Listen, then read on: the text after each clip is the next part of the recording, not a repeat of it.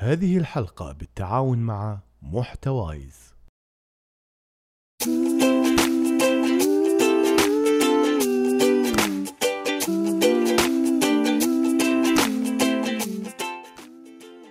السلام عليكم ورحمة الله وبركاته. لك ولكل المشاهدين في أجمل شيء في الحياة وهو الصباح. دائما أقول لهم صباح الخير يا عيوني. حياتك كيف من دوني. أحب أسمع أنا صوتك وأحطك داخل عيوني. طبعا هذه الحياة تتلون بجمال طبيعتها وجمال رونقها. وجمال هذا اليوم بأنك تتفاءل وتنسى الماضي. فالذي يتحدث عن الماضي كالذي يطحن الطحين أو يخرج الأموات من قبورهم. لذلك لابد أن تكون متفائل طاقة إيجابية ابتسامة في محياك حياة جميلة تعيشها مع الناس يحبك الخير للغير.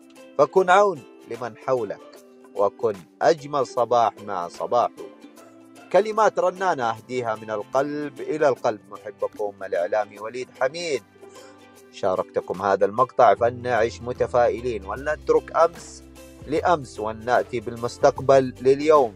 فالحياة حلوة بس اللي يفهمها.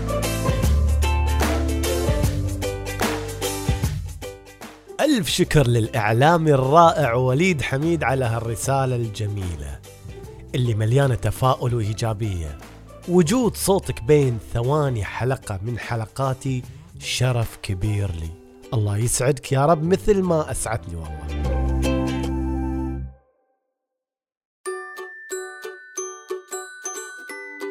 صبحكم الله بالخير مستمعيني الأعزاء. انقطعنا عنكم أسبوعين لظروف خارجة عن الإرادة وعشان بعد تشتاقوا لصباح شوي يعني أتغلى شوي.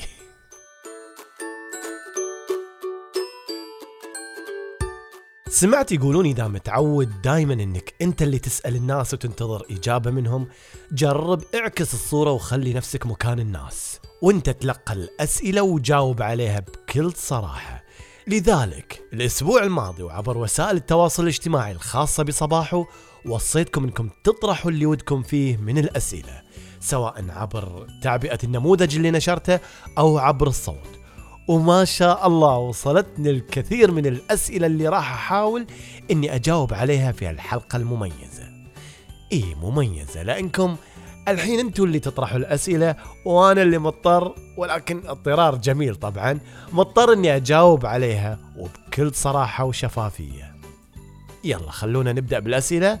لكن وقبل ما نبدأ بالأسئلة ابتسموا وقولوا معاي. يا صباح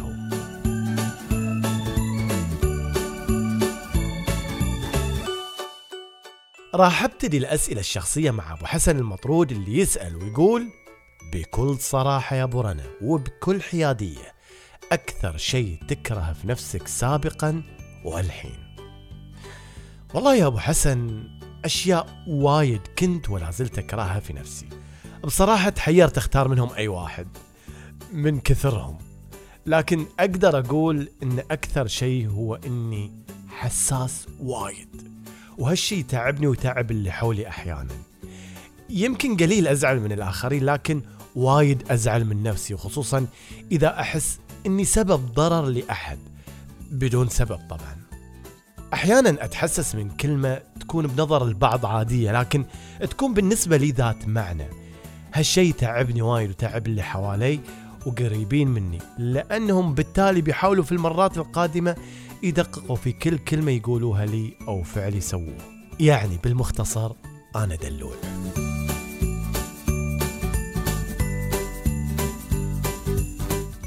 السؤال الثاني من مجهول يقول ما هي نصيحة أبورنا اليوم إلى أحمد قريش طالب الثانوية العامة؟ أه يمكن من أجمل محطات حياتي هي محطة مرحلة الثانوية. كانت مرحلة فيها الكثير من المنعطفات اللي غيرت حياتي. صحيح إني ما كنت مجتهد أو دافور على قولتهم لكن كنت أحب أحمد اللي كنت عليه. إنسان عفوي ويحب يخدم الجميع. لكن إذا بقدم نصيحة لأحمد طالب الثانوية بقول له اتعب شوي على نفسك وانتبه على دراستك أكثر لأن أيام الثانوية كنت مهتم بنشاط المسرح أكثر من دراستي وهالشي خلاني أقصر وايد. أولا بسم الله الرحمن الرحيم. والسلام عليكم ورحمة الله وبركاته. آه ثانيا آه سؤالي. أولا أنا مبسوطة أني أعرف إنسان طموح ومثابر زي أستاذ أبو رنا. ما شاء الله تبارك الله. فسؤالي آه كيف تحارب أوقات لما يجي الإنسان ملل أو كثرة مشاغل وتصر على مواصلة اهتمامك بشغفك وكأنه عملك الأساسي؟ يا ليلى الشغف. الشغف يعني الحب وإذا حبينا سوينا المستحيل عشان الشيء اللي نحبه. أنا من صغري وأنا كنت أحلم أني أمسك مايك وأقدم آه، قدام الجماهير وأؤثر فيهم أو أني أكون مذيع عندي برنامجي الخاص اللي قادر أوصل فيه اللي أعرفه لكل العالم. هذا الحلم كان بالنسبة لي شغف يعني حب يعني أسوي المستحيل عشانه. إي قابلت عقبات وناس محبطة وكنت أحيانا أستجيب له الإحباطات. لكني شخص أحب أتحدى نفسي وايد لذلك سرعان ما أرجع لوعي وأقول إني أقدر.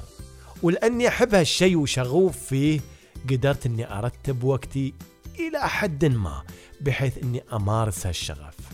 عندي وقت للقراءة عندي وقت للكتابة للتسجيل للتواصل مع المتابعين مثل ما عندي وقت لكل هذا هم بعد عندي وقت لأهلي أصدقائي أحبابي للناس. الشغف يا ليلى الشغف.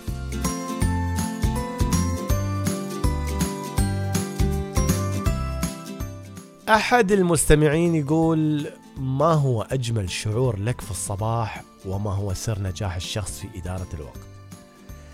أنا من الناس اللي أحب الصباح. ليش؟ لأن الصباح عندي أكثر من مجرد إنها الساعات الأولى ليومي. الصباح بالنسبة لي هو أجمل مثال للبدايات. ويمكن واحدة من الأشياء اللي خلتني أسمي هالبودكاست باسم صباحو رغم أنه ينفع تسمعه بأي وقت في اليوم هو أن الصباح تعبير عن البدايات. لذلك أنا مؤمن بأن أنا اللي أقدر أتحكم إلى حد كبير في هذه البدايات. بالابتسامة بالكلمة الطيبة بالتفكير الإيجابي ويمكن أجمل شيء في صباحاتي هو لما أوصل دوامي وأبتدي أصبح على كل زملائي الموظفين. أحاول أمر عليهم واحد واحد عشان أبتسم له وأصبح عليه. لما أشوف عامل النظافة قبالي وأبتسم له ويبتسم لي. أما عن الشطر الثاني من السؤال فحبيت أصدمك إني مو شاطر مرة في إدارة الوقت. لكن دائما أحاول إني أكون منظم بقدر المستطاع بحيث أعطي كل ذي حق حقه. عندي وقت العملي وقت الأصدقائي وقت الأهلي وقت الشغل وكتاباتي وتدريبي. وبالرغم من أن أحيانا أتسبب في فوضى لما أزحم نفسي بالالتزامات إلا أني إلى الآن قادر أسيطر على الأمور. إدارة الوقت هي إحدى الصفات اللي يتميزوا فيها الناس الناجحين وأتمنى أني أحترف هالشيء.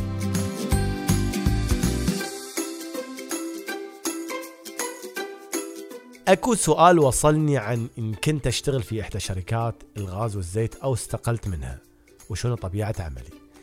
إي نعم أنا أشتغل في هذه الشركة ما راح أقول اسمها ممنوع إني أقول اسمها وحاليا أشتغل في قسم يتعلق بعلاقات الموظفين ولا زلت أعمل في هذه الشركة ومستمر فيها إلى النهاية بإذن الله.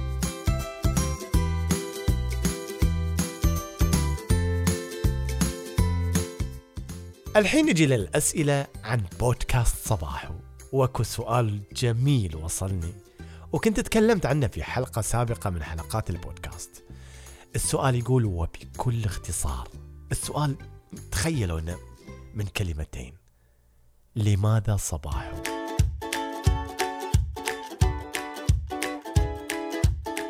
أنا مؤمن بأهمية البدايات الجميلة لأنها هي اللي تحدد مسار يومي. إن كان يومي من بداية الصباحية إيجابي فبإذن الله راح يكون يومي بأكمل إيجابي. لذلك شفت بأن الناس بحاجة ماسة في بدايات صباحهم أو بدايات يومهم حتى لو ما كان الصباح. الناس محتاجة إلى شيء يغير جوهم يصنع لهم ابتسامة يخليهم يشعروا بأن الحياة جميلة وأن إحنا بإمكاننا نزيدها جمال. لذلك قررت إني أعطي الناس هالشعور. من خلال حلقات إيجابية فكاهية خفيفة. كلمات تسمعها وأنت تشرب كوب القهوة أو الشاي تحسسك بأنك إنسان سعيد وأنك قادر على أنك تخلق هالسعادة لنفسك إذا بغيت. وإن بغيت تفاصيل أكثر حول هالسؤال استمع إلى حلقة البدايات الجميلة وراح تلاقي إجابة وافية. حطيت لكم رابط الحلقة أسفل الوصف.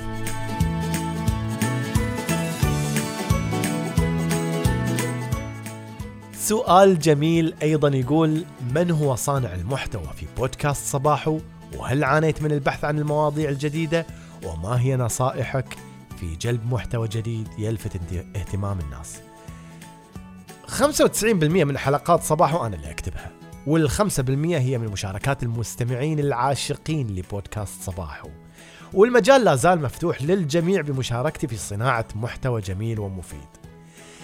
إي نعم أحيانا أعاني من البحث عن المواضيع المناسبة لسبب واحد هو انشغالي المستمر وازدحام الأفكار في مخي. ولكن المواضيع موجودة وقادر إني أستخرج موضوع في كل يوم. لأن صباحه يتمحور حول حياة الناس اليومية وحياة الناس اليومية مليئة بالتفاصيل اللي ممكن إنك تكتب حولها. بالنسبة للنصيحة اللي أنصح فيها لجلب محتوى مثير للاهتمام ابحث عن المواضيع اللي تهم الناس. اسردها بأسلوبك الخاص من دون تقليد أحد. ابحث في المدونات. شوف الناس مهتمة بشنو في تويتر فيسبوك إنستغرام تيك توك يوتيوب وغيرها. واكتب. امسك القلم واكتب. ولا تقول ما أعرف. جرب وبتنجح. يا صباحو. ما هي العثرات التي تلقيتها في بداية بودكاست صباحو؟ وما هو سر النجاح العظيم لهذا البودكاست؟ وماذا تنصح من يود أن يبدأ بداية جيدة في عالم البودكاست؟ شكرا لنور على هالسؤال اللطيف البودكاست بدأ في العالم العربي ينتشر فعليا وحسب الإحصائيات في عام 2014 يعني بداية البودكاست في العالم العربي فعليا فعليا فعليا في 2014 أنا بدأت بودكاستي في عام 2015 يعني أنا من أعتبر من أوائل الناس اللي فتحوا بودكاست آه، إما في المنطقة العربية أو حتى في منطقة الخليج. العثرات اللي واجهتها هي صعوبة معرفة شنو يحتاج البودكاست عشان أبدأ فيه. كانت البداية صعبة إلى أن عرفت الدكتور محمد قاسم مقدم بودكاست سايوير العلمي واللي أنصحكم أنكم تتابعوه واللي ما قصر وشجعني وعلمني على هالشيء. عثرة أخرى ولكن قدرت أتغلب عليها هي سوء التخطيط. ما كنت أدري شنو أبي بالضبط ولا شنو هدفي ولكن بعدها بديت أنتبه أني محتاج أعيد التفكير وأبدأ من جديد. والحمد لله تخطيت هالمشكلة بنجاح. أما عن سر تميز صباحه فهو بكل بساطة أنتو. إي نعم أنتو. استماعكم وتشجيعكم المتواصل يخليني أسعى بكل جهدي لأني أقدم المزيد والأفضل. لذلك أنصح كل شخص وده يدخل عالم البودكاست إنه يحترم عقول الجماهير يحاول يصنع محتوى يلامس مشاعرهم يضيف لهم فائدة وما يكون مجرد حشو كلام وهدرة زايدة ما لها معنى. وللأسف صار عالم البودكاست مليء بهالبودكاستات هذه ولكن الجمهور هو الحكم ويقدر يحدد إلى من يبغى يستمع.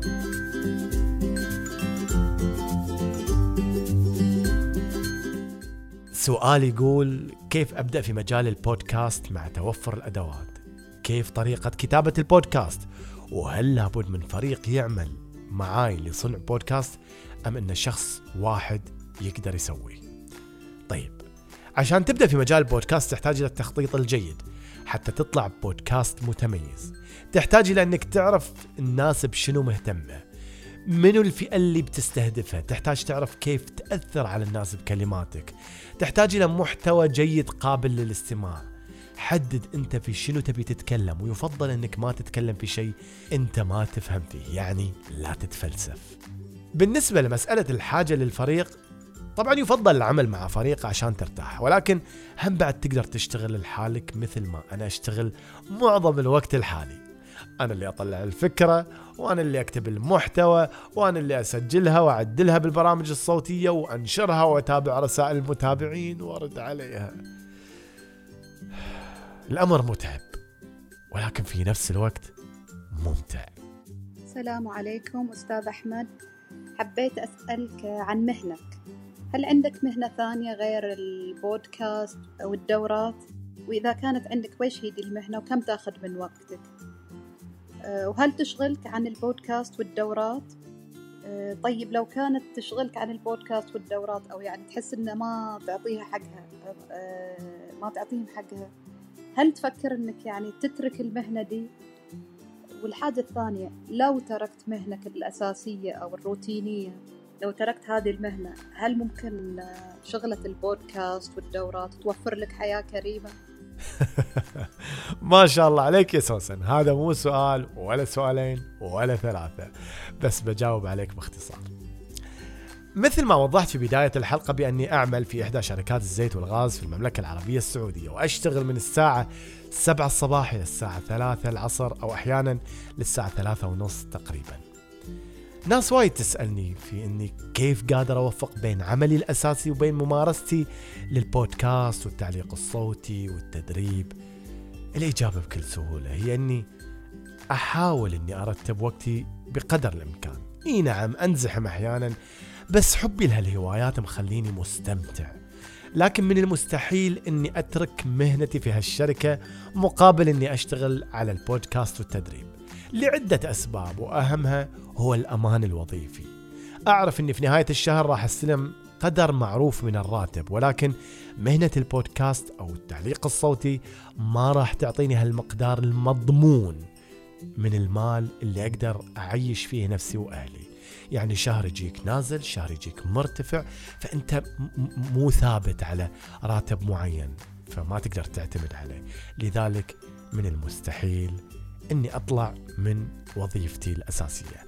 أنا أتعامل مع صناعة البودكاست والتعليق الصوتي والتدريب على أنها شغلات مساعدة لي، أقدر أكسب من وراها مال إضافي، والأهم من المال هو استمتاعي بممارسة شغفي بغض النظر عن كم راح أكسب من وراها.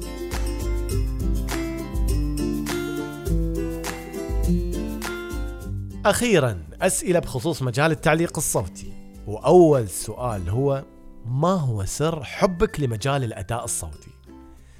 إيماني بأن الكلمات المكتوبة تقدر تغير الشخص وتأثر فيه وتأثر في حياته وطريقة تفكيره خلتني أؤمن بعد بأن الكلمات هذه إن كانت مسموعة راح تكون أكثر تأثيرا في المستمعين ومثل ما نوهت بأني من الناس اللي تحب أنها تغير حياة الناس للأفضل بالطرق المتاحة عندي لذلك لقيت أني أمتلك مهارة التأثير بالصوت واللي تعلمتها من خلال التحاقي بأندية ال Toastmasters لسنوات عديدة. لذلك أحب المجال الصوتي لأني قادر بأني أغير حياة الناس وتفكيرها للأفضل بإذن الله.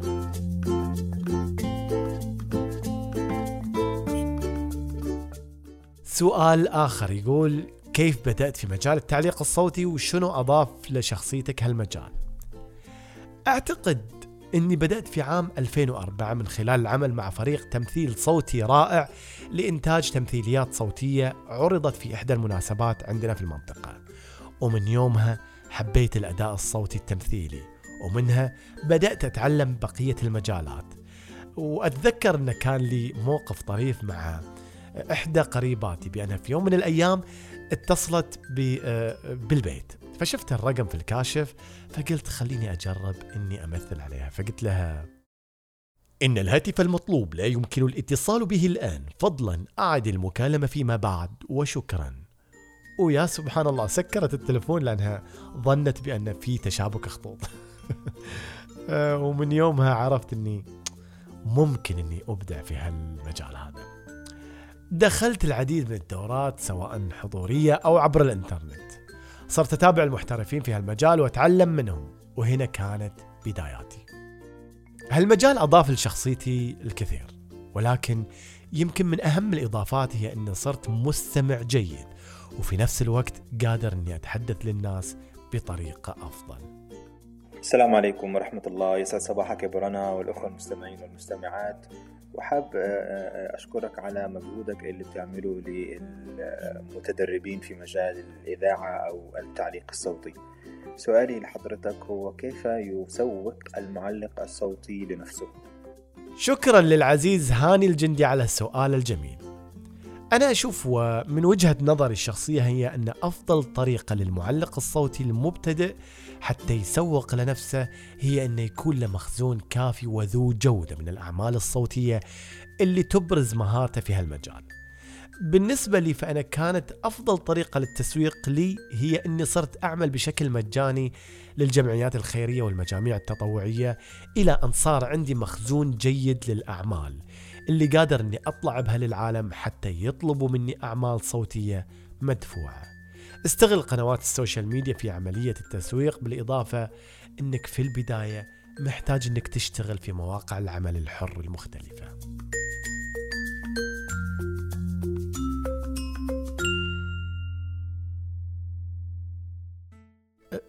السؤال الأخير. تذكروا السؤال اللي قلته في بداية الحلقة لماذا صباحو؟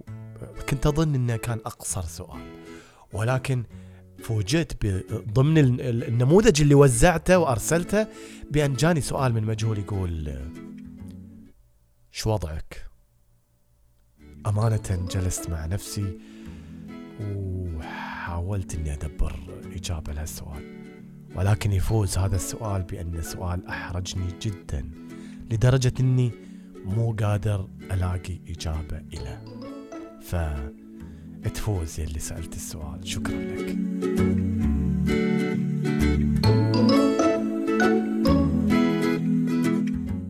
شكرا لكم أعزائي المستمعين على استماعكم لهذه الحلقة المميزة.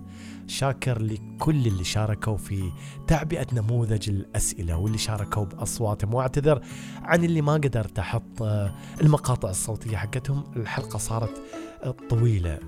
لذلك يمكن راح أجاوب عليكم بشكل شخصي. شكرا لكم أعزائي المستمعين. شكرا لكل العاشقين لصباحو لا تنسوا أنكم تنشروا الحلقة ولا تنسوا أنكم تقيموها على تطبيق بودكاست على الأبل وتحطوا تعليقكم ورأيكم في البودكاست. شاكر لكم استماعكم والآن أتمنى لكم صباح سعيد إن شاء الله يا رب وأقدر أختم الحلقة بإني أقول لكم مثل ما بدأت. يا صباح.